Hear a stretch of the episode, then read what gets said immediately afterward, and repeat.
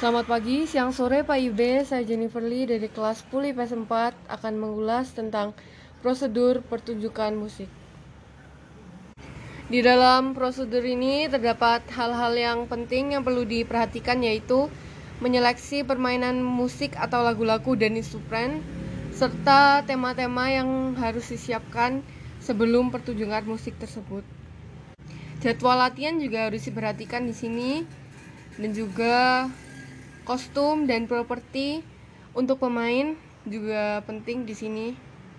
Lalu hal-hal ini harus diperhatikan sebelum pertunjukan musik sekitar 2 atau 3 bulan sebelumnya. Jadi pertunjukan ini akan berjalan dengan lancar.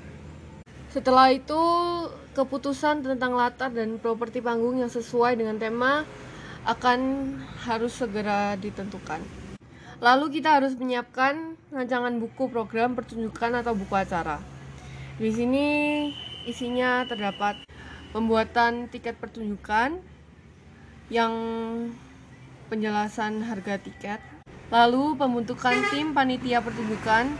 Setelah itu peralatan-peralatan yang yang akan digunakan seperti instrumen, sound system, properti, tirai panggung dan lain-lain.